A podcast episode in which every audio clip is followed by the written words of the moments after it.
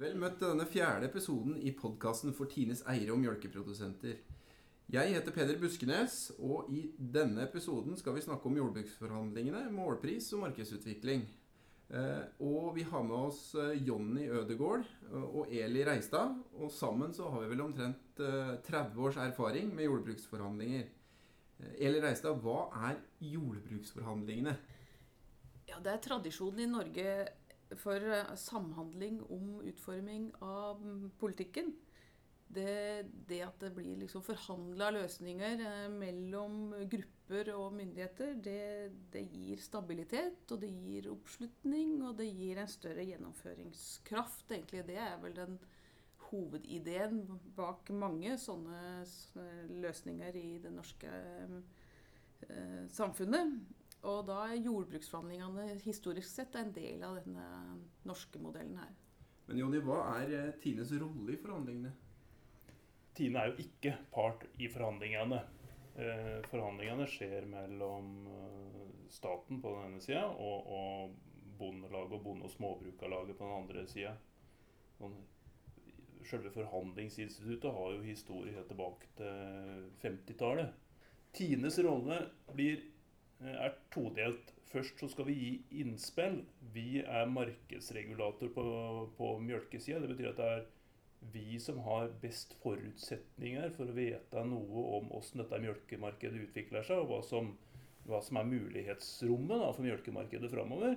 Så i forkant av forhandlingene skal vi gi eh, gode innspill på hva som er mulig å gjøre med målpriser, og hva som er nødvendig å gjøre med tilskudd i etterkant av forhandlingene, når en er blitt enig eller enig om å ikke være enig om uh, målpriser, så har vi et ansvar for å sørge for at disse prisene blir tatt ut.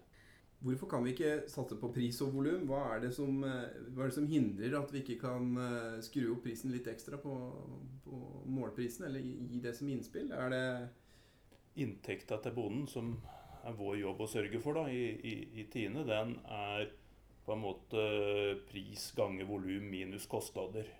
Og vi vet at hvis vi øker prisen eh, for mye, så øker, eh, da svekker vi konkurransekraften til norsk mjølk. Da vil importen øke. Eh, eller mjølk vil bli erstatta med andre drikkevarer eller annet pålegg. Altså, osten vil erstattes av servelat, og mjølka vil erstattes av andre drikkevarer. Ja, For det er vel ikke bare importen på meierivarer som utfordrer? Hva, hva, annet er det vi konkurrerer med? Vi konkurrerer med all, all, alle sunne drikkevarer, og vi konkurrerer med alle, alt sunt pålegg, eh, holdt jeg på å si. Så det er en ganske brei konkurranseflate, og dette må vi det, er derfor vi skal, ha har en særskilt rolle da, å gi råd om eh, målprisøkninger. For det er vi som da eh, i utgangspunktet bør være best kvalifisert til å mene noe om, om, om hvor mye prisvekt dette markedet tåler, uten at det går utover volumet. Hvordan er utsiktene for målpris, målprisen utover?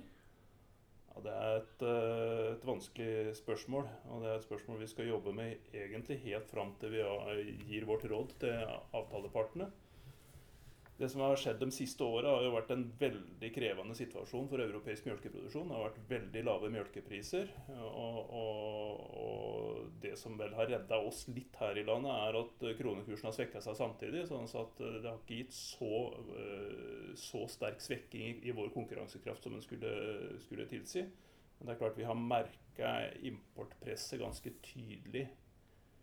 Hva som vil skje framover, er, eh, er usikkert. Vi har hatt en, en moderat prisoppgang internasjonalt. Særlig drevet av fettunderskudd, faktisk, i Europa. Så det er fettet nå som driver melkeprisene internasjonalt. Eh, så det er en litt lettere situasjon ved grensa enn det var for eh, to år siden. da. Mm.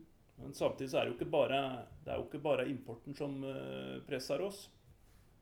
Nei, det er jo og det er ikke bare melkeprodukter. Det er jo konkurransen med en rekke andre typer produkter som en nå skal ha et sideblikk på når en tenker hvor lurt det er å og hvor mye han skal dra på på, på målpris. da. Vil, vil, det svekkes i konkurransen mot andre drikkeprodukter? Vi ser måltidsendringer og nye, nye måltidsløsninger eh, hos eh, forbrukeren. Så han må, kan ikke bare se på internasjonale melkepriser. Han må se på hva, hva, hvordan ter forbrukeren seg i, i valga i, i, disken. Og er det mjølk som vil bli Og mjølkeprodukter som blir foretrekt.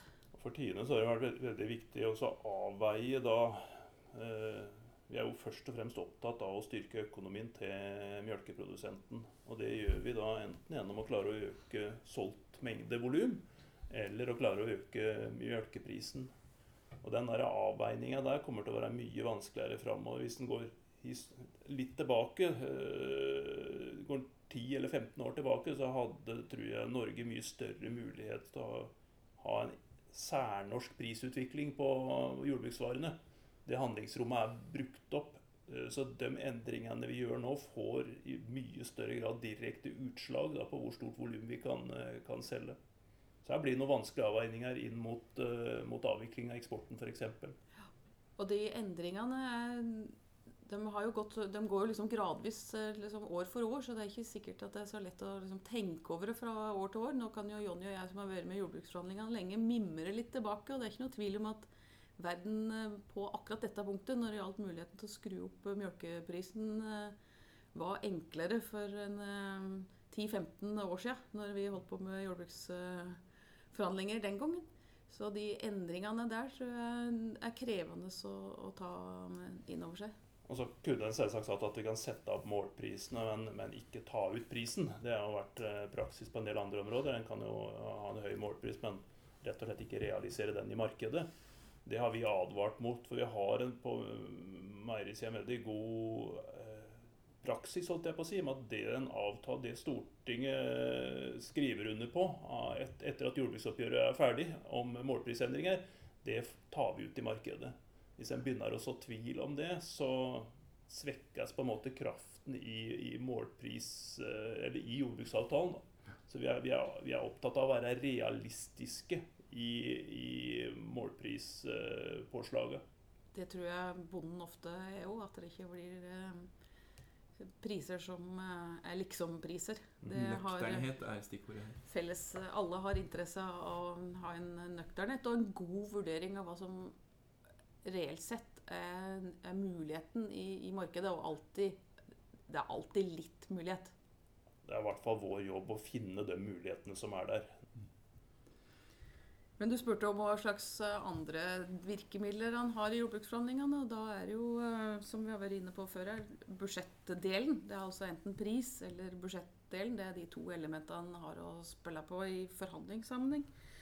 Og det er jo sjølsagt en veldig viktig del.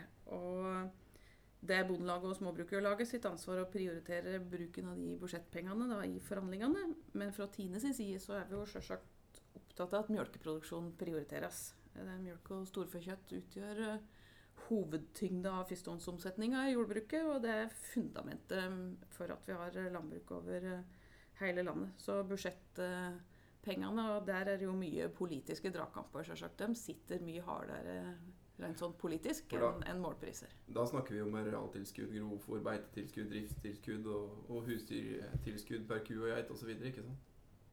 Ja, og det er alle disse tilskuddene. Og her er det mye oppmerksomhet uh, om disse. Men, uh, og mange av medlemmene våre har synspunkt her. Og, da må vi kanskje understreke at det er bra. Og det er rett adresse er å ta dette med faglaget, altså bondelag og småbrukerlag. Så um, når det gjelder den delen av budsjettdiskusjonene inn mot forhandlingene, det er en ganske, ganske viktig arbeidsdeling, tror jeg, som er verdt å, å, å, understreke. For vi får jo også veldig mange innspill fra uh, våre medlemmer i hele landet om behov for å endre tilskuddssystemet. I all hovedsak så forsøker vi å kanalisere dem uh, til Bondelaget og Bonde- og småbrukarlaget, sånn at faglaget gjør de prioriteringene. Vi har spesialkompetanse på pris og marked. Bondelaget og Bonde- og småbrukarlaget har spesialkompetanse på tilskuddsordninger og, og, og, fordelingspolitikken som ligger bak. Men Nå har vi snakka en del om pris og volum, eh, men er det ikke noen andre områder vi, vi er opptatt av?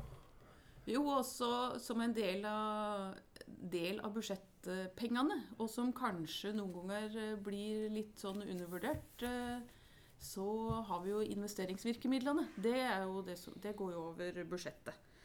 Og de er nok eh, utrolig viktige for å få fornyelse av uh, i melkeproduksjon særlig. Og det å sikre landbruket i hele landet og utnyttelse av fôrressursene i hele landet, så investeringsvirkemidler en, en nøkkel at det skal være og mulig, ikke minst, å kunne fornye et utslitt fjøs på, på de små og mellomstore bruka. Der tror jeg vi har en sånn hovedutfordring eh, framover, som jeg er opptatt av at vi får eh, løfta fram. Det er politisk oppmerksomhet omkring det. Det er veldig bra.